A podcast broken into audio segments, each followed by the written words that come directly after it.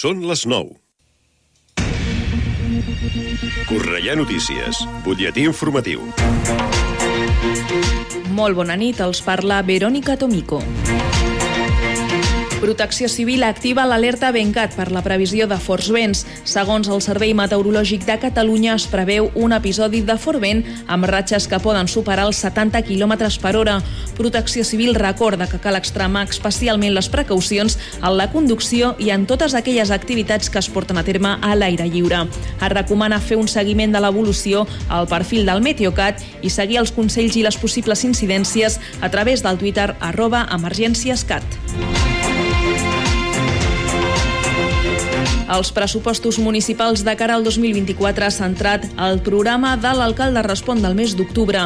Antonio Balmón ha definit aquests comptes com prudents per continuar amb els projectes i serveis engegats en l'anterior mandat. Recordem que el pressupost de cara al proper any és de gairebé 107 milions d'euros i que inclou quasi 8 milions en inversions a la nostra ciutat.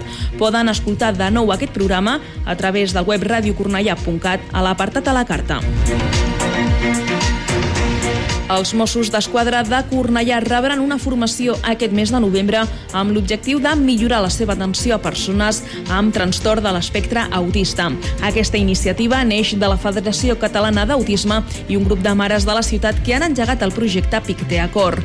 Aquesta formació es farà de forma pionera a la comissaria de Mossos d'Esquadra d'aquí de Cornellà i l'objectiu és que en un futur es pugui ampliar a d'altres comissaries.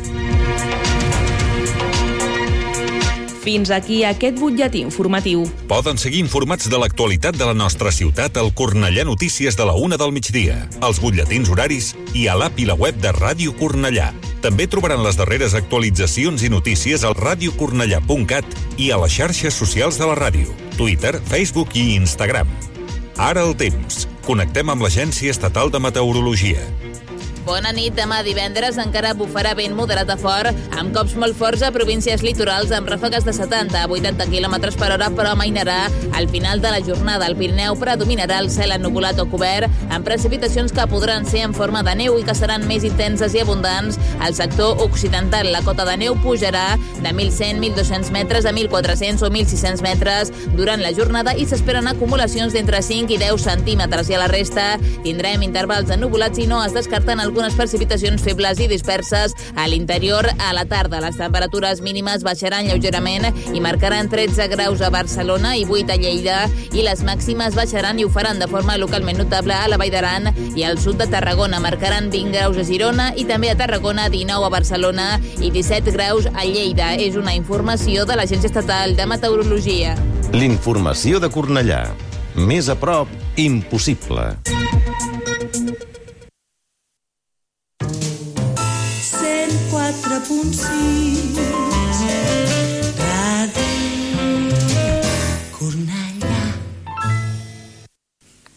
Bon vespre, passen uns minuts a les 9 i comença Atrapats a la Cultura.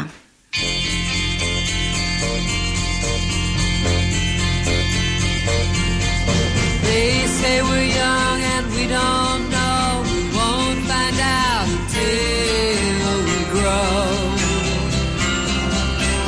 Per en Bill Murray, tots els dies era la mateixa cançoneta.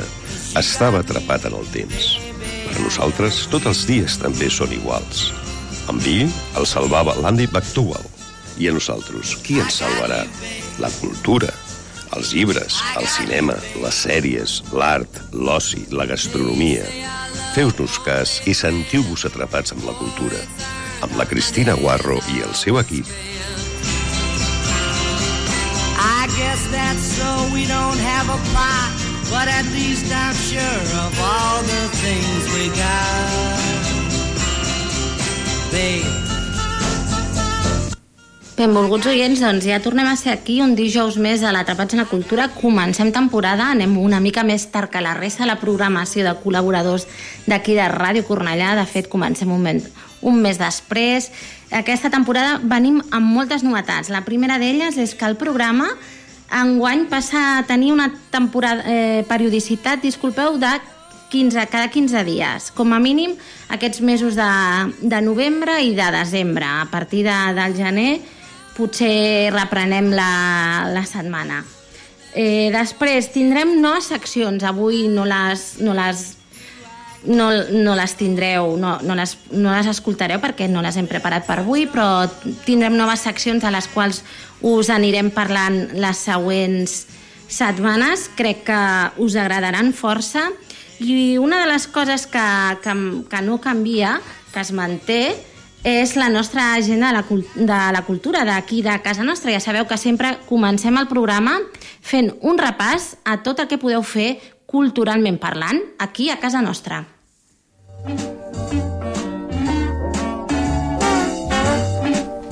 Divendres 3 de novembre a les 8 del vespre a la Sala Padró concert amb Bedsiders i No Home for Paranoids. Bedsiders és una banda emergent del Baix Llobregat influïda pel so de l'indie rock i l'indie pop dels 90 i 2010 amb influències de The Strokes, Mac DeMarco, Arctic Monkeys i altres artistes de l'època. Realment és difícil definir-los, però amb el seu estil despreocupat i energètic no deixen indiferent ningú. Els acompanyaran els també baix llobregatins No Home for Paranoids, una banda de grunge, rock alternatiu o metall alternatiu, de vegades punk i de vegades blues, amb influències del grunge i el rock dels 90 i del 2000, conformada per quatre bronzits, així es defineixen els qui els encanta donar-ho tot a l'escenari i fer passar una bona estona a tothom que els vagi a veure. En definitiva, veniu al concert a veure el descens d'una banda a la bogeria. Dissabte 4 de novembre, quarts de 10 de la nit, a la Sala Padró, nit acústica, amb l'objectiu principal de donar a conèixer artistes emergents d'aquí, de, del nostre territori, neix la nit acústica de la Sala Padró, un espai en què nous talents de l'escena musical local oferiran una petita mostra dels seus projectes. Gràcies a un format proper, càlid i íntim que ens ofereix aquesta sala, la Padró, les participants ens brindaran un tastet de la seva proposta alhora que participen d'un concurs de cançons en què el públic assistent tindrà l'última paraula. I atenció perquè ens comuniquen que hi haurà premi. En aquesta primera edició comptarem amb la participació de la Paula Rodríguez, la Sara Uribe, l'Adrià Carro i la Marta Gin. I ja sabeu que disposeu de servei de bar durant la nit dins de la sala per tal de poder gaudir d'una copa acompanyada de les millors actuacions musicals. Dissabte 4 de novembre a les 10 de la nit a la sala Ramon Romagosa, concert de Jero Romero. Després de 7 anys de silenci, Jero Romero visita Cornellà per presentar-nos Miracoloso, un disc que parla de la quotidianitat convertint-la en universal amb una sensibilitat de la qual només el cantautor de Toledo és capaç. Romero s'ha convertit en un dels músics més inspirats i personals de la música espanyola. És un disc esperadíssim, 7 anys, eh? Recordeu, els seus directes deixen petjada en aquells que assisteixen. Diumenge, 5 de novembre a les 12 al migdia a la Sala Padró, Strawberry Frappuccino, espectacle que aborda com la tecnologia digital està canviant la manera de relacionar-nos a les nostres vides. La Sara i en Neil són dos adolescents que se segueixen a Instagram, malgrat que no es coneixen en persona. Aquest anònim anonimat, disculpeu, els permet compartir coses que tal vegada no s'atrevirien a dir cara a cara a la vida real. El Nil agafa confiança i explica a la Sara els seus problemes i alguns dubtes personals. Finalment, confessa que està patint assetjament per part d'un company de classe, fet que li fa plantejar-se algunes sortides que posen la Sara en estat d'alerta.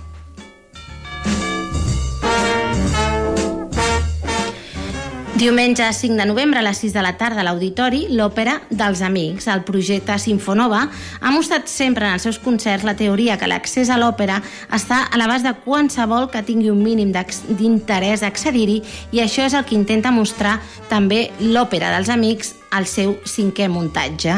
L'espectacle inclou la interpretació dels fragments operístics que més emocionen i agraden a cinc personatges populars, que són el component del tricicle Carles Sanz, el sommelier propietari del celler eh, el Josep Can Roca, l'Helena García Melero, el Toni Clapés i el Boris Izaguirre.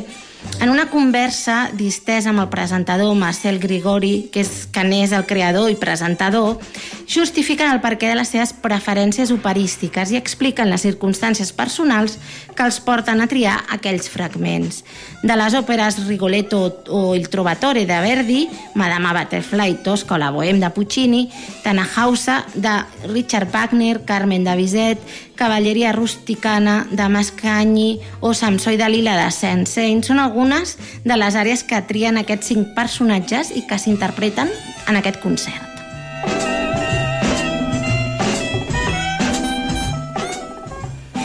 Dijous 9 de novembre, quarts de set de la tarda, a la Biblioteca de Sant Ildefons, paraula d'especialista, Cornellà de Llobregat 1973, amb motiu dels 50 anys de l'obra pictòrica Festa Major 73 dels artistes Ricard Bacaro, Abdó Martí i Manel Puig, que ha estat restaurada recentment, un, ens proposen una xerrada en la qual eh, generar un debat a partir del moment històric que vivia la ciutat aleshores a inicis dels, de la dècada dels 70 del segle passat i els últims anys del franquisme, com la lluita popular per la canalització del Llobregat dins l'ambient i l'alegria de la festa major, disculpeu, d'aquell any de 1973. No ho he dit, però això és un acte que es farà a la Biblioteca de Sant Ildefons a càrrec de Manel Puig, que és coautor del quadre, l'Ignasi Doñate, vocal de l'Avens, i Isidre Junyent, membre també de l'Avens. Organitza l'Avens i el Voluntariat per la Llengua i és d'accés lliure.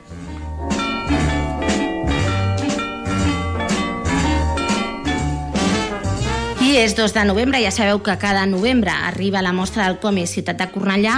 Eh, en parlarem més endavant al llarg del programa perquè si no faríem una, una agenda molt, molt extensa perquè al final eh, parlar mm, de tot el que es farà durant el pròxim mes que dura aquesta mostra, en concret del 3 al 26 de novembre, eh, mm, jo crec que requereix d'una secció a part i dit això, nosaltres toca començar el programa, després de l'agenda ens toca eh, fer-ho amb una cançó que ara doncs, he demanat al nostre tècnic, al Kiko Belinchón, bona nit, Kiko, mm, que decideixi el que és. Si ens vol explicar quin ha triat i el motiu, doncs molt agraïts. Doncs mira, he escollit una cançó d'Arnau Griso, que es diu Quiero, Quiero y Quiero, i mira, així una cançó que parla una miqueta de demanar tres desitjos, i mira, ja que comencem temporada, doncs per demanar que no, que no quedin. Doncs mira, mira, m'agrada la proposta. Som-hi, doncs.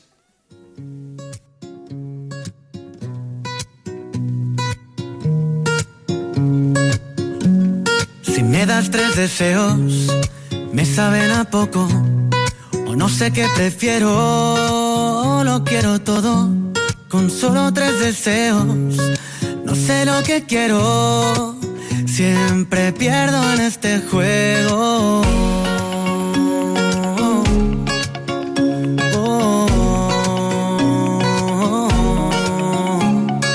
Quiero mil besos como sueldo, quemar el fuego. Quiero llegar joven a viejo.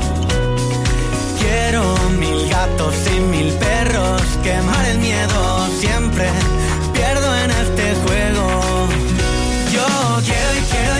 quiero y quiero compartir todo lo bueno y aprender a vivir lento porque quiero y quiero y quiero y quiero y quiero poner a dieta el ego y aprender a vivir más con menos.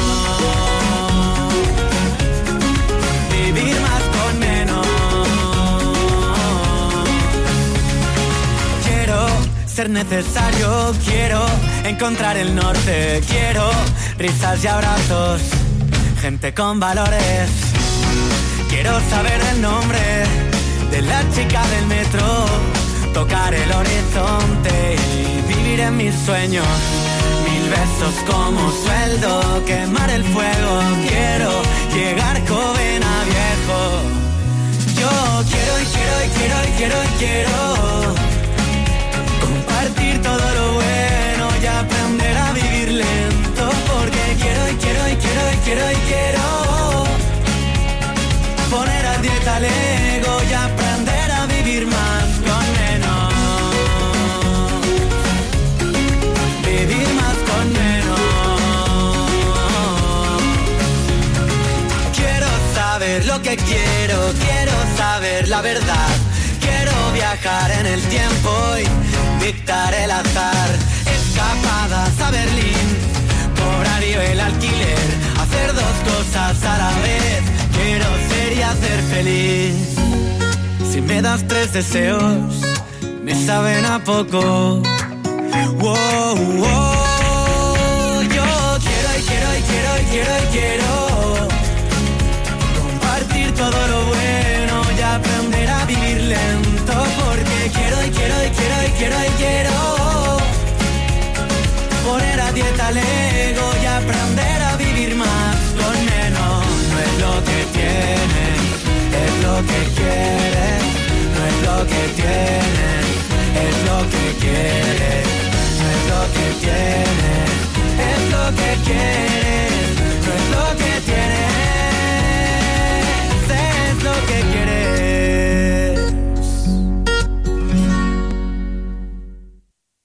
Estàs escoltant Atrapats amb la cultura. I avui, a l'espai de l'entrevista, ens visita un dramaturg que fa doblet a la cartellera barcelonina, en Pau Colla. and I'm feeling good.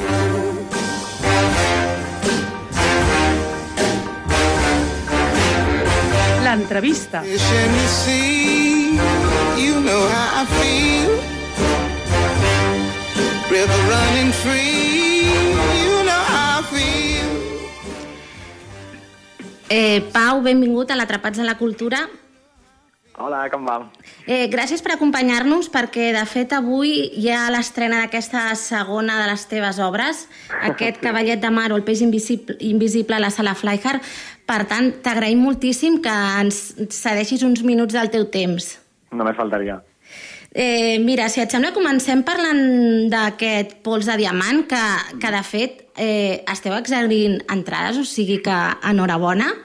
Merci. Eh, es representa a la sala Versus i sereu fins al 12 de novembre i està escrita, bé, es basa, o la idea, diguem-ne, és un, una agressió que va haver-hi a Madrid fa, fa dos anys, de fet, en què un noi doncs, va, va acusar que havia patit una, una agressió de tipus eh, bueno, homofòbica. Mm, Després es va saber Eh, bé, queda, queda una mica en l'aire, eh, perquè sembla ser que abús sí que va haver-hi. Es va saber que s'ho havia inventat i a partir d'aquí, com sempre passa als mitjans de comunicació, va haver-hi doncs, eh, tota una sèrie, bueno, un linxament una mica i bé, po pobre nano ho va passar una mica malament. Sí. Aleshores, eh, Sí. què és el que et va cridar l'atenció d'aquest cas? Precisament això, no? Um, um, aquesta part no, que, que tu ara uh, posaves en relleu, um, aquest moment uh, en què, en què s'anuncia no, de manera gairebé uh, sentenciosa que, que, que s'ho ha inventat tot a premsa i, i, i aquest linxament mediàtic que, que rep aquest, aquest noi. Especialment hi ha unes imatges de, si són de 4 o d'un- d'una telenacional, on hi ha una reportera que l'està esperant a la porta de casa seva i, i a mi me, va, me va colpir molt veure que li havien, li havien tapat la cara, no? Li, li havien pixelat la cara, però no li havien... Uh, però es notava perfectament que el veu, um, uh, la roba que portava uh, era fàcilment identificable, no? I qualsevol que, que, que el conegués en aquesta persona podia identificar que era ell, perquè era la porta de casa seva, la seva roba i la seva veu. I vaig pensar, mare meva, no? Mare meva, o sigui, on hem arribat?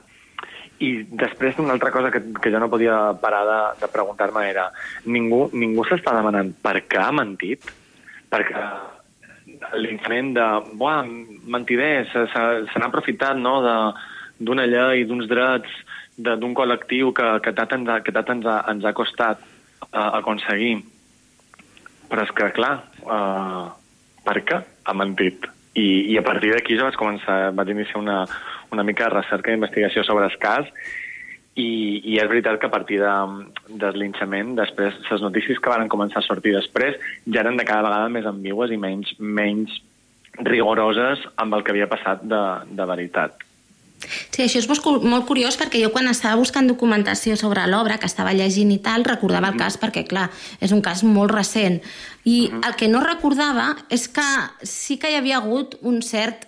que aquest noi havia patit un cert abús. El podem anomenar d'alguna manera o una altra, però vull dir que alguna part de veritat sí que hi havia. Home, um, les, les lesions eren reals, i això també, també ho tractem a l'obra, no? Les lesions eh, hi, hi varen ser. Uh, el que no va ser real va ser el relat no? de com havien succeït. Um, clar, quan surten unes lesions uh, d'aquest tipus a premsa, i, i la premsa comença a dir que varen ser lesions consentides, és a dir, recordem que li, havien, li, varen, li varen marcar amb un cúter al gluti la paraula maricó, Mhm. vull dir, en quin, en quin moment poden pensar que això pot ser consentit del tot, no? Eh, i clar, um, bueno, indagant, indagant, indagant, al final del tot, del túnel, hi ha algun article on sí que uh, s'explica una mica el que va passar de veritat, que si me permeteu no desvetllarem perquè, perquè també és part de, No, no, no. de, de l'obra. I com, com... Perdona, parlaves de, de la documentació que has fet per escriure aquesta, aquesta obra i què, què, què havies fet? Recerca de, del tractament de la informació Sí, o vas parlar de amb, amb psicòlegs o atenció a víctimes? Mm, Sobretot va ser uh, a partir de, de la, del recull de- d'articles i, de, i, de, i de, de, de la tele Ahà. i de, i de diaris digitals, un poc també perquè, clar, jo recordava el cas, però tampoc, eh, clar, vaig fer com el recull de, de tot el que vaig trobar sobre, sobre el cas concret i després sí que he, hagut, de- eh, sí que he fet documentació ja de lectura de llibres i, i, i de, amb, amb persones que no són la persona real, però sí que són que, que tenen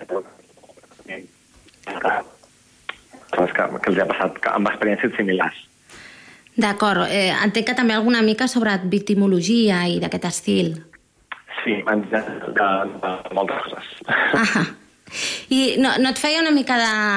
mm, de veure com tracta aquests temes que, que eren tan a prop en el temps, perquè tu és que aquesta obra, eh, no ho hem dit, però va guanyar el torneig de dramatúrgia a les Illes Balears, el novent torneig, Exacte. o sigui, això va ser l'any següent, vull dir que hi ha una distància temporal dels fets molt curta. Això Sí, no et sí. feia una mica de... o no sé si més sentit de la responsabilitat... Sí, no, sentit de responsabilitat total, però també és veritat que, en, tot i que me basi en el cas, també deix, deixa molt clar uh, a la peça, a l'inici de la peça sobretot, que, que, que, bueno, que hi ha elements de ficció i que n'han de, ser, de ser conscients. Jo el que, el que volia, el que jo pretenia era entendre una mica en aquesta persona barra personatge, perquè al final és com allò que és real, allò que va succeir de veritat i allò que, que, que he ficcionat per, per poder crear una història atractiva per, per, per públic, poder entendre'l, poder defensar-lo, però sobretot mm, no el volia ni victimitzar ni jutjar. Això estava claríssim. De fet, um, a mi m'agrada molt que s'obra acabi d'una manera en la qual el públic diu ah, ostres, ara no sé, no, no, no hi ha un final redó. No hi ha, no hi ha una, un, un dogma ni una moral. Hi ha simplement un, una explicació d'uns fets i sense jutjar-los s'exposen i el públic després se'n va a casa pensant el que vulgui. Almenys hem pogut explicar una mica, en recomates, la versió de, de, de, de la víctima, no?, en aquest cas. Uh -huh. el, el torneig de dramatúrgia allà vas conèixer el Daphnis Balduz, que va ser Exacte. qui, qui en feia la lectura. Recordem que, que, que aquests tornejos, els textos que s'hi presenten són textos d'uns 40 minuts i a partir d'aquí després es desenvolupen o, o, o no, que no tots han arribat a ser a convertir-se en peces teatrals. Quin és el paper de, del Daphnis? El Darnis fa l'altre personatge. So- so- Són, són dos... eh, Un, per, per, per, per qui no sàpiga, els personatges de dramaturgia tenen com a, com a una de les limitacions de les bases és que el text han de ser, com tu has dit, de 40, eh, 35-40 minuts, però només pot ser per dos intèrprets. Uh -huh. Uh, què passa? Que això limita molt. I jo vaig fer un poc aquesta trampota, que és, és legal, de uh, que un dels dos intèrprets uh, fes més d'un personatge. I en aquest cas uh, en, és, és, el, és el paper d'en Darnis, ell fa diferents, uh, diferents rols durant l'obra que canvia d'un a l'altre en, un, en un obrir en cada i ho fa de manera espectacular. um, i com pot ser uh, que el rol que més, que més um, que té més, més sentit dins la peça és la parella sentimental del, del prota, del Dani, que és el que fa l'Albert Salazar, i pel camí també altres personatges com pot ser un reporter de televisió, un metge, uh, que més, uh, bueno, diferent, diferents rols. Uh, el policia, l'investigador del cas, perquè hi ha un moment també que, que se torna molt, uh, se torna molt thriller, no?, la- l'obra, té com una part com a més romàntica, no una història d'amor, i es va Mhm. barrejant amb el thriller. Um, sí, això, i, i això és el que fa el Dani. I en Albert sí que se queda amb, amb un únic personatge, que és el del Dani, el, de la, el del protagonista, però també déu nhi perquè el viatge del protagonista també és heavy. Sí, sí, el que passa que jo, perdona, t'he formulat malament la pregunta, perquè jo em referia al paper que havia tingut el, Dafnis a l'hora de portar l'obra a Barcelona. Ah, em sembla que ell t'havia perdona, ajudat. No, no, el que passa que l'he formulat malament, eh? Total. No, no, no, pues, uh, sí, sí, ell va ser... Uh, bueno, va, va, va veure perfectament que aquesta obra uh, uh, havia de tenir més recorregut i, i va ser ell qui va, qui va pitjar tot el que va poder per, per poder portar-la i finalment uh, la gent de, de la Versus Glòries, la, la productora de Punta Teatre, va decidir apostar per ell i, i, i Bé, i, i per, per ara la- l'han encertada, no?, des del Versus, perquè ja, ja em dic que esteu exaurint.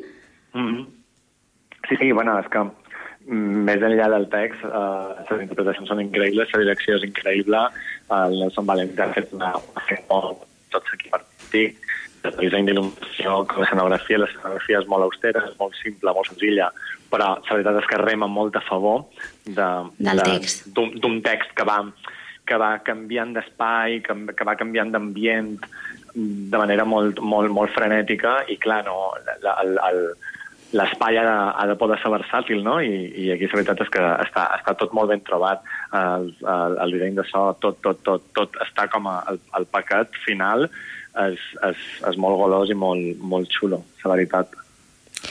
I eh, pa parlem una miqueta ara d'aquest cavallet de mar, que si en el cas de la pols de diamant, doncs una mica era bé denunciar eh, l'homofòbia que encara hi ha a la societat. Eh, el cavallet de mar és una mica... A veure, no sé com com a explicar-lo en poques paraules, eh? És una mica contra, no sé si els estereotips o els rols de gènere eh, i el tema dels cossos. Exacte. Cava- Cavallet de Mar, el, el, el, el punt de partida és, és un, noi, un noi trans que fa un any que, que, que pren testosterona per modificar el seu cos, perquè ha començat el seu procés de transició, transmasculí, i, i bueno, un dia la lia, ho, ho, tenen tot, ho tenen bastant en comú tots els meus personatges, en algun moment la lien i uh, se queda embarassat. Uh, perquè el seu cos està biològicament preparat per, uh, per poder gestar. Uh -huh. I, i és un monòleg uh, que l'ha el Marc Torres, l'ha dirigit la Rebeca del Fresno. Um, és un monòleg on, on el protagonista uh, es replanteja uh, uh, tot aquest procés de transició i tots els codis de, de, de gènere establerts no? per, per la societat. Evidentment, quan, quan tu decideixes fer una passa com transitar uh, i, i prendre testosterona, um, hi ha un moment en què, en què clar, uh, els homes, ara dit en molt, molt entre cometes, Sí, sí. els, homes no, els homes no gesten, no? Els homes no... I, i, i com que comença un poc aquí el, el debat, no? I és un poc com aquest viatge uh, d'aquest personatge decidint amb 20, amb 20 anys què fa no? amb, amb, aquest, amb aquest embrió formant-se dins el ventre i, i, i mentre decideix què fa o què no fa també es replanteja totes aquestes coses. Això sí, sembla que és un dramón i no ho és. Això és important. Uh, ho, hem, ho hem agafat des de, des de l'humor, des de i des de la, la, la naturalitat més, més positiva, perquè Mhm. això sí que és una cosa que, la, que, que sí que intent jugar sempre en les, a les meves peces, és que la representativitat de les persones del col·lectiu comenci a ser una mica ja més en positiu i no tan victimitzat. Sí, exacte, que potser estàvem acostumats no, a, a veure'ls com a personatges i jo crec que en el cas del tra dels trans encara més que en el cas dels homosexuals eh, uh -huh. eh, en ambients, o sigui, molt, molt marginals. Exacte. No, no, no, és a dir, evidentment, uh, en Martí, que és el personatge de Cavallet, és una, és una persona completament integrada dins, dins la societat, estudia magisteri, té uns amics, eh, s'enamora i també surt de festa i la lia. Ara, té uns, té uns eixos, no?, amb, amb el seu cos, que també transcendeixen a lo trans. És a dir, hi ha, hi ha com una, una, una capa de, de, de celebrar els cossos, però tots els cossos, no? Al final, és, és, el discurs final, que sigui trans o que no sigui trans, aquest personatge, és, és anecdòtic, gairebé. Sí, perquè al final és un personatge molt jove, de 20 anys, vull dir que, que això és com tractar el tema d'un embaràs no desitjat, algú amb 20 anys pràcticament és adolescent. Exacte. Vull dir, que passa que ell vegada, eh, és, és trans. Exacte, exacte. És així, és així tal qual. Aquesta era la meva idea principal, uh, perquè també a través d'aquesta història també se mostren de manera, de manera com a... Um, um, de manera transversal uh, les problemàtiques, que no li vull dir problemàtiques, però el dia a dia d'una persona trans, no? Coses que, per exemple, nosaltres no, a, a les persones cis, a la millor no, són coses que no vivim perquè no som trans, no? No, no, esclar. Com podria ser un altre tipus de, de personatge. I, i, i això és una, és una feina també com a divulgativa i de, i de, normali, de normalització, també. Bé, so, so, sobretot de, de representativitat, no? Que, que ens acostumem a veure doncs, qualsevol tipus de, de persona, més enllà d'amb què es defineixi i com, no ho sé, igual que, que diem amb la roba, doncs potser amb, amb el cos, que és una cosa més, més íntima, no? Mm -hmm. Més interna, doncs que independentment d'això, doncs, al final és que hi hagi una representativitat de tot. Exacte, així és.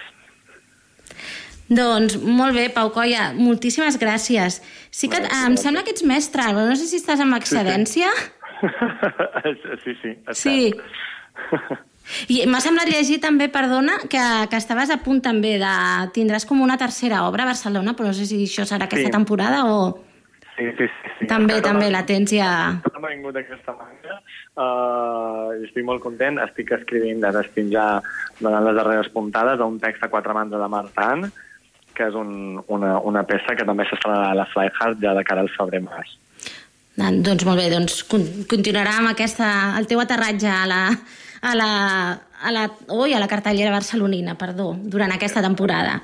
Moltíssimes gràcies, Pau. I no sé Gràcies a si dir-te molta merda o trenca't una cama. No sé què prefereixes per aquesta nit. Mm, si, si són les dues és que ho han petat. Doncs vinga, va, patem-ho. Gràcies. A reveure. Adéu. 104.6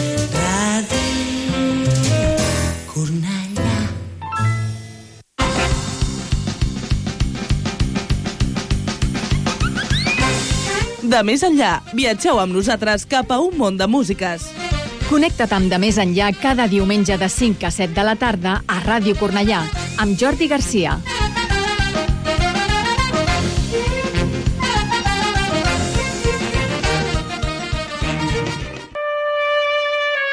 Eh, us faré una oferta que no podeu rebutjar. Escolteu el nostre dansa de Ràdio Cornellà els dissabtes de 9 a 11 del matí amb Laia Fernández, Roger Conill i Roger Marín. Home, padrí, volíem guanyar audiència, però no sé si aquesta és la manera. Escolteu la nostra dansa dissabtes de 9 a 11. Capisci?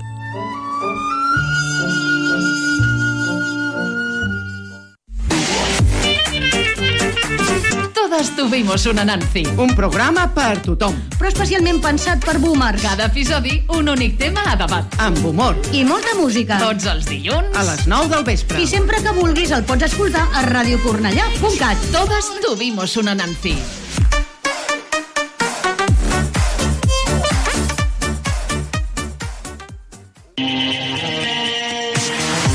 ¿Tienes una dura semana? Nosotros te ayudaremos a relajarte.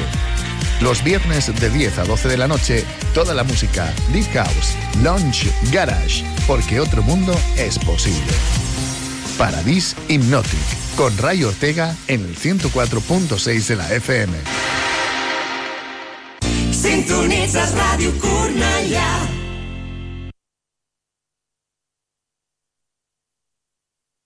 Queda't atrapat amb la cultura. Doncs interessantíssima aquesta entrevista amb en Pau Colla, de la qual eh, jo no, no, no ho hem especificat, però és una entrevista enregistrada, eh, perquè en aquest moment doncs, ell és a l'estrena a la sala Flyhard i esperem i desitgem que li hagi anat molt bé. Doncs ara ja eh, ens dirigim a la part final del, del programa i ens toca parlar de bé d'un fet cultural que és ja està ben arrelat al nostre municipi, com és la mostra de ciutat de Cornellà, enguany 39a edició ja. I és que del 3 al 26 de novembre doncs, es farà aquesta mostra del còmic, que suma exposicions a diferents punts de la ciutat. La més important de totes, i com ja sabeu, és el castell, que és la que, en la qual es poden veure les obres dels guanyadors i guanyadores del concurs de còmics de la ciutat perquè Cornellà doncs, tornarà a convertir-se en capital del còmic durant el mes de novembre i com ja deia, doncs, el castell eh, queda fet. Això hi haurà l'acte la, la, d'inauguració que serà demà divendres 3 de novembre a les 8 del vespre. Eh, S'inaugurarà doncs, aquesta exposició i és el lliurament també de premis a les persones guanyadores del concurs. I a més a més d'aquesta sèrie de- d'exposicions hi ha un munt de tallers i activitats a centres cívics, instituts, biblioteques, residències, entitats i comerços de Cornellà del Llobregat doncs perquè veieu que cada vegada s'impliquen més actors socials i culturals del nostre municipi. Com deien, és l'activitat estrella de la programació, la mostra del concurs, i és el tret de sortida. Eh, ja us hem dit que la inauguració serà divendres demà, 3 de novembre, i podeu anar a partir de les 8. En aquesta inauguració també hi haurà Isabel Bas, que és la guanyadora del Premi IVA a millor historiatista professional. És dibuixant, guionista i pintora que ha treballat a editorials com Clipper, Favència, Toray o Bruguera. En el mateix castell també es presenta una exposició central titulada Contrapaso, los hijos de los otros, de la idea al papel. Es tracta d'un homenatge a la dissenyadora gràfica Teresa Valero, responsable del cartell de la mostra d'enguany i artista a la qual s'ha dedicat al concurs també. I podreu veure obres que expliquen les diferents etapes de la creació, des del guió fins a l'art final, el resultat final, passant per la planificació de les pàgines del còmic, així com tot el treball de documentació mm, que es requereix per, per fer doncs, aquest, aquest thriller, aquest contrapasso, Los hijos de los otros, que és aquest thriller ambientat a la dictadura franquista. Els horaris de visita són del, 30, del 3 al 26 de novembre, de dilluns a divendres, de 10 a 2 del migdia i després les tardes de 5 a 8. Després, els diumenges i festius, doncs hi podeu anar entre les 10 i les 2 del migdia. Teniu més info. Aquest any eh, han activat un número de telèfon amb el qual us podeu comunicar via WhatsApp. Eh, és el següent, 669 98 95 01 i després doncs, teniu aquest, aquesta adreça de, de correu electrònic còmics arroba aj guionet.baix cornellà.cat i el compte d'Instagram arroba cornellàcòmic. Eh, ara farem una breu exposició d'algunes d'aquestes eh, exposicions que, que tenim eh, dels propers dies. Mira, hi ha alguna de ben interessant com és Terror de, de música la que, es, eh, que tindrà lloc al Centre Cívic del Parc Esportiu Llobregat.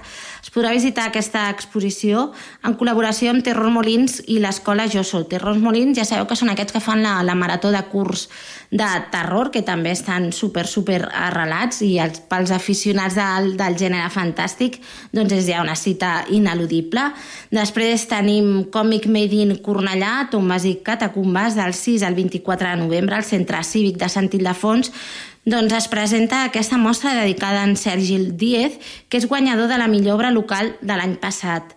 El millor historietista historieta en català a l'Auditori de Sant Ildefons entre el 6 i el 25 de novembre es podrà visitar aquesta exposició que recull les obres premiades eh, d'historietes en català.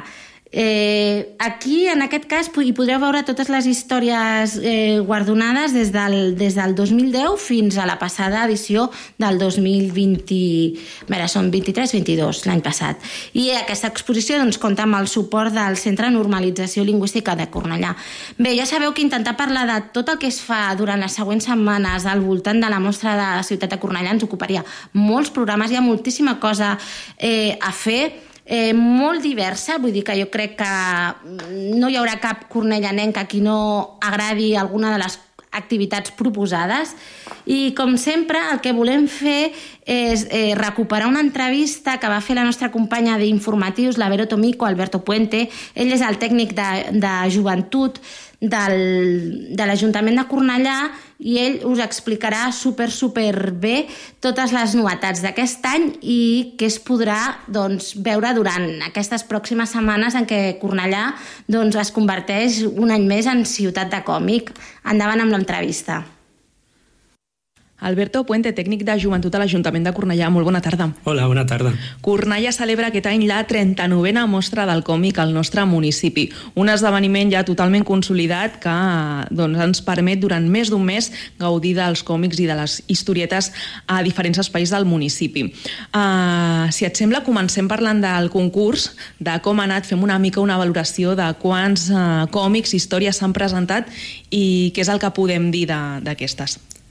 Tenim una valoració positiva perquè mm, des de la pandèmia, que ja fa 3 anys però, però va marcar molt la, la participació al concurs, va haver una davallada important no? de, de participació, arribàvem a uns 80 abans de la pandèmia, i l'any de la pandèmia ho vam salvar amb gairebé 30 obres i això ha anat augmentant cada any. Aquest any hem aconseguit eh, un total de 65 obres, eh, majoritàriament la categoria sènior també és la que rep més premis i abarca una franjada més gran, ha sigut la més participativa amb 46, també tenim la juvenil amb 13 i la sènior amb, amb 6. Si parlem de gènere, eh, 30 han sigut nois, 33 noies i dues persones han sigut no binàries, que enguany hem, hem eh, canviat el nostre qüestionari per poder també encabir eh, doncs, doncs que cadascú eh, es mostrés com, com el gènere que considera que té, no? Uh -huh. Llavors, la, la participació ha sigut molt positiva, eh, volem continuar treballant perquè augmenti, tot i que no ens no és un tema que hagi de preocupar-nos, sinó que, que és mantenir el concurs, que la qualitat continuï sent bona, però sempre que arribem a més gent doncs, doncs hi haurà treballs més diversos i el jurat també ho tindrà més difícil, que, que també és guai que passi això, no? Uh -huh. I a més l'any que ve fem 40 anys, llavors hauria de ser un concurs que eh, ho peti. Uh -huh, molt bé. Eh, I també és important que la majoria de premis enguany eh, tenen un perfil molt femení, que gairebé totes les persones són noies, també hi ha una persona binària que ha guanyat, i algun noi, però eh, són molt pocs els nois que, que aquest any tenen, tenen premi. Hem de dir que això és una tònica que ja en els darrers anys es va notant. Eh? Normalment estan guanyant més dones que no pas homes. Es nota que el pes de femení, no? de les vinyetes en femení, mm, està guanyant importància. Sí, aquests, aquests últims dies estàvem revisant una mica la història del concurs per, per de cara a l'any vinent a veure, eh, tenir una miqueta d'història, no? Eh, I veiem que la participació masculina era elevadíssima i, i els premis, evidentment, això ho reflectien. I està canviant des de fa uns anys i, i està, ens agrada també que, que sigui un espai on, on, es, on es visibilitzin altre, altres historietes, no? Uh -huh. I tant que sí. Doncs parlem ja, si et sembla, perquè ja parlarem dels guanyadors quan, quan sigui el moment, eh? però parlem una miqueta de la mostra perquè dona el tret de sortida el dia 3 de novembre, com no pot ser d'una altra manera, amb el lliurament dels premis a, als guanyadors d'aquest certamen i amb l'exposició del 39è concurs de còmics Ciutat de Cornellà i també doncs, del racó de l'IVA. Exacte, el dia 3 de novembre, el divendres, habitualment de forma històrica, el primer divendres de novembre, sempre que no sigui festiu, eh, és l'entrega de premis, es fa el castell, tothom que vulgui estar convidat i convidada a venir, és a les 8 de la tarda, i és això, fa, és l'acte inaugural de la mostra on s'entreguen els premis i on hi ha una, una exposició amb les obres premiades però també amb aquelles obres que s'han presentat i el jurat ha decidit que tenen eh, trets interessants perquè estiguin a, en aquesta exposició.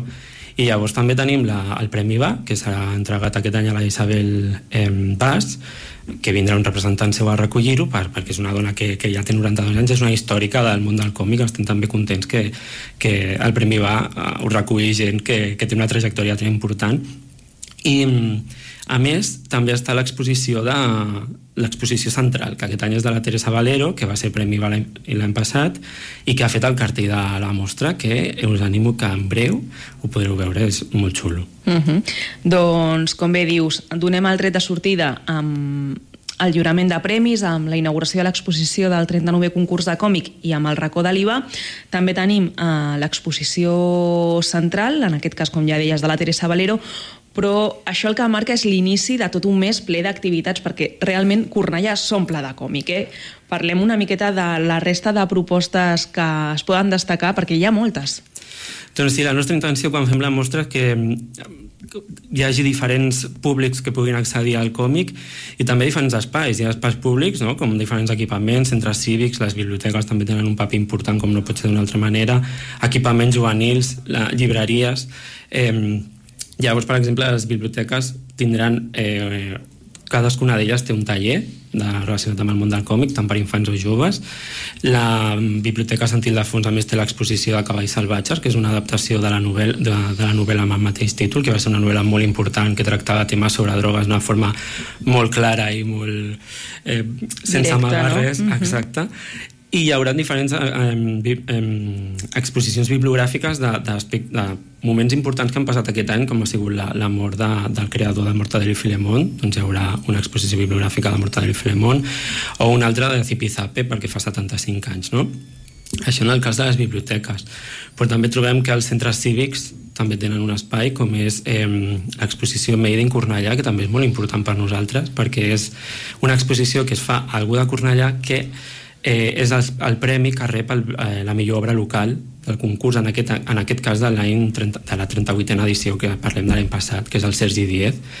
I llavors és una exposició que es diu Tombes i catacumbes i es, té la llibertat d'exposar allò que eh, vulgui i llavors trobaran eh, la seva obra allà.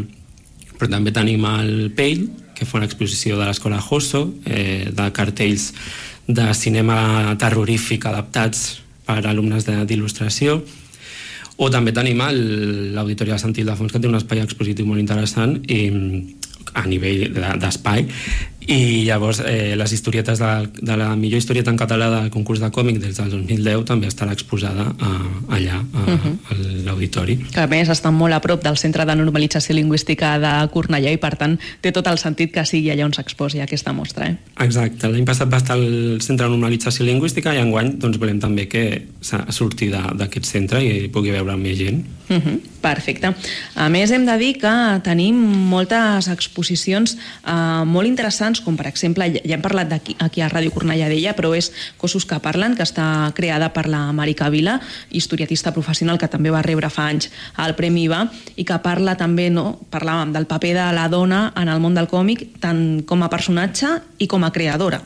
Aquesta exposició és molt interessant, ja està inaugurada des del, des del setembre i estarà fins al gener, o sigui que entra dins de la mostra però, però té una importància que, que fa que tingui més, més durada. És un treball conjunt del Departament de Patrimoni amb la Diputació de Barcelona, la Marica Vila eh, ha fet de comissària, la Marica més de ser autora de còmic, dibuixant, també una de les històriques que va començar quan la dona no tenia tot i que sempre ha treballat en el còmic, no tenia un paper destacat o visible, per dir-ho d'alguna manera, perquè destacat, si ho estudies, mm, ho ha tingut. Em, ella també és estudiosa a nivell universitari de gènere i bueno, va fer una entrevista aquí a Ràdio Cornellà i llavors eh, Mhm. la coneixeu segur i a més estem molt contents de poder tenir-la al nostre jurat i ser una de les persones vinculades a la mostra d'alguna altra manera perquè sempre eh, acabem parlant amb ella per, o que, perquè ens guiï una mica a vegades eh, com podem tractar algun tema o si coneix alguna exposició que ens agradaria tractar doncs, eh, sempre està present amb nosaltres en còmics i, i que hi hagi una exposició que ella és comissària és, és, per la mostra és molt guai Uh -huh. Doncs continuem parlant de propostes i hem esmentat una mica eh, el gruix del que tenen les biblioteques, però també deies, centres juvenils també participen perquè al final és el públic que potser més consumeix aquest tipus d'obra. Exacte, enguany eh, els espais joves ja fa temps que, que hi participen a, a la mostra i enguany doncs, hem fet que tant, a un, tant de Sant Ildefons com de Riera puguin, es puguin veure eh, reproduccions de totes les obres júnior i juvenils que s'han presentat al concurs, però a més eh, l'espai jove Sant Ildefons i Riera tenen un projecte que es diu Entre Joves, que és un espai on es reuneixen eh, noies i persones no binàries i parlen de d'allò que vulguin, no? de com es senten, de temes de sexualitat, d'autoestima, o una mica que pugui afectar realment a qualsevol adolescent, que són molts temes, i han fet un fanzine de com se sentien. I llavors farem una exposició d'aquest fanzine, que es diu Entre joves el nostre fanzine, i a més estan preparant un acte per, per presentar-ho. No tinc més dades perquè eh, ho estan treballant els joves i les joves i llavors Mm. Serà una mica secret i sorpresa quan arribi el moment. Exacte. Sé que és un grup molt, amb molta imaginació i molta iniciativa i ens podem esperar qualsevol cosa i serà, uh, es farà la presentació a, a l'oficina jove, que és on estarà aquesta exposició. Perfecte. Després hi ha també doncs, l'exposició de les obres, com deies, de la categoria júnior i, i juvenil i tenim còmics a les llibreries, als centres educatius, que sempre tenim doncs, aquesta participació de les escoles perquè arribi també als infants més petits. A les entitats, també hi ha moltes entitats que se sumen a aquesta mostra. Tenim també a, a les residències, que també la gent gran és consumidora d'aquest tipus d'obra. déu nhi mm, hem de dir que tenim còmics a tot arreu. Això intentem. I eh, no és una amenaça, però l'any que ve hi haurà encara més còmic durant tot l'any, ja vindrem a explicar-ho, però, però sí, eh, celebrem el 39è aniversari, eh, com has dit és un projecte consolidat, però sempre hem de seguir buscant espais on, on el còmic doncs, tot i que té una rebuda molt interessant, no? eh, en ocasions es considera un art menor o, o prefereixo llegir novel·les, no? el còmic t'aporta altres mm, altres gratificacions quan el llegeixes no? i després t'obre camins a, a altres arts com pot ser la novel·la o, o el cine Llavors volem continuar treballant perquè Cornellà sigui un referent en això i estem preparant moltes cosetes també. Doncs estarem molt pendents, ens agrada molt aquesta amenaça, eh? doncs estarem molt pendents, com dèiem, d'aquesta 39a edició de la mostra del còmic a Cornellà, que donarà el tret de sortida el dia 3 de novembre, però ja tenim doncs, a, a la nostra mà doncs, la possibilitat de conèixer més sobre tot el que gaudirem fins al principis de desembre aquí a Cornellà i doncs, estarem també molt atents als guanyadors i guanyadores d'aquest concurs de còmic i parlarem amb ells perquè ens valorin com ha estat la seva participació al certamen. Alberto Puente, tècnic de Joventut a l'Ajuntament, gràcies per estar amb nosaltres i avançar-nos, donar-nos aquestes dades d'aquesta 39a edició. Gràcies. Moltes gràcies a vosaltres. Estàs escoltant Atrapats amb la Cultura.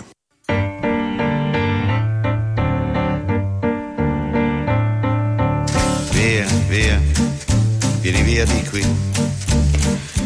Doncs bé, ja som als minuts finals del programa. Una altra de les coses que no hem canviat és aquest via com me per acomiadar-nos. Palo Ponte ens convida a anar-nos-en amb ell.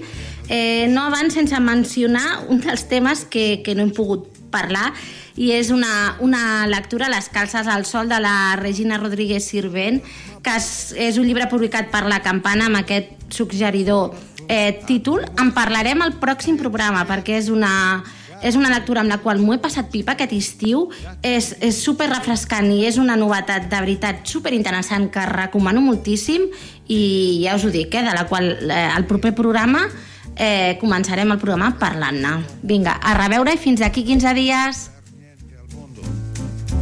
Via, via, non perderti per niente al mondo lo spettacolo d'arte varia di uno innamorato di te. E It's wonderful, it's wonderful, it's wonderful. Good luck, my baby, it's wonderful, it's wonderful, it's wonderful. I dream of you, chips, chips, chips. Da di do di do, chi boom, chi boom boom. Da di do di do, chi boom, chi boom boom. Da di do di.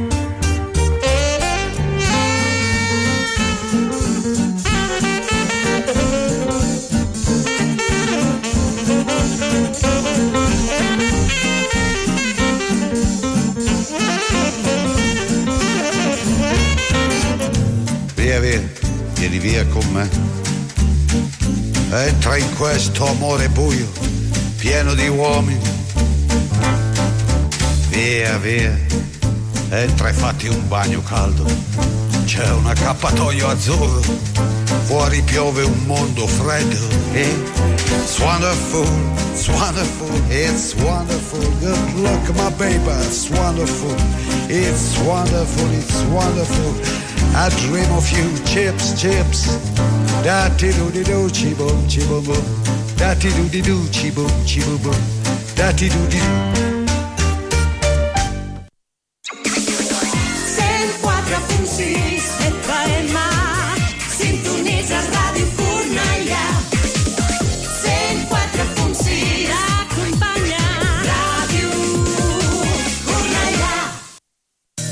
Oye, siempre tengo puesta Radio Cornellá en mi tienda y escucho los anuncios de tu establecimiento. Pensé que, como muchos otros comercios de la ciudad, el mío también tenía que salir por la radio. Por menos de lo que pensaba, ya ves qué anuncio más guapo tengo. Yo también quiero. ¿Qué hago? Entra en radiocurnalla.cat, ponte en contacto con ellos y se encargarán de todo. Ya tengo ganas de escuchar mi anuncio en la radio. Verás cómo notarás la diferencia. Todos los lunes de 10 a 11, Las Noches del Semillero Azul, el programa poético literario de Radio Cornellá. La poesía y la música unidas para ti. Recuerda, todos los lunes de 10 a 11, Las Noches del Semillero Azul. Serendipia, el enigma ancestral, donde la magia y la historia se dan la mano.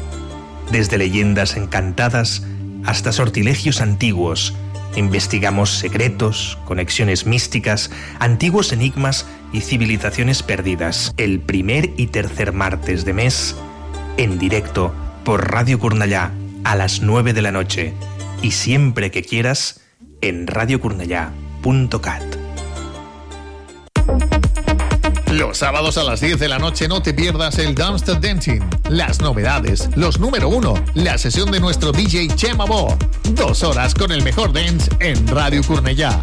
Escúchalo también a la una de la madrugada de sábados y domingos y siempre que quieras en radiocornellá.cat y en la app de la radio. Don't Stop Dancing.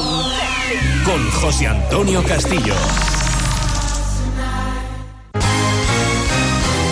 La Creu Roja està amb tu arreu del món. Solidaritat, cooperació, milers de voluntaris units per un món millor, sempre al teu costat.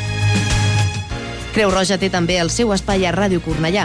Actualitat, consells, entrevistes, tot això i molt més a l'hora de la Creu Roja, tots els dimecres de 9 a 10 del vespre al 104.6 de la FM.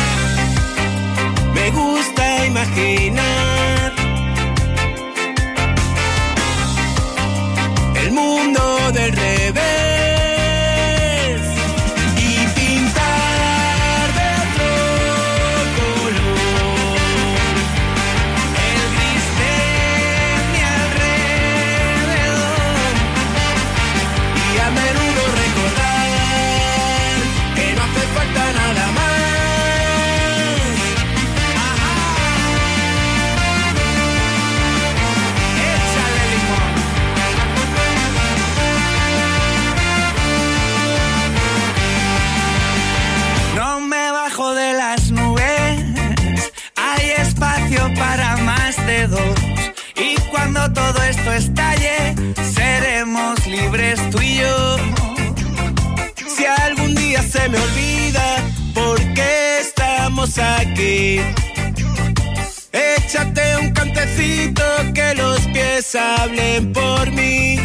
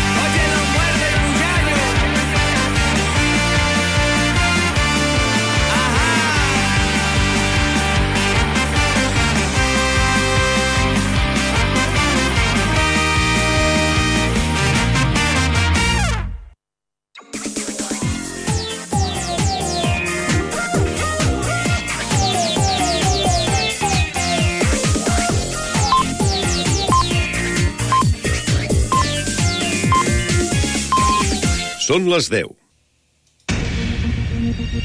Cornellà Notícies, butlletí informatiu. Molt bona nit, els parla Verònica Tomico.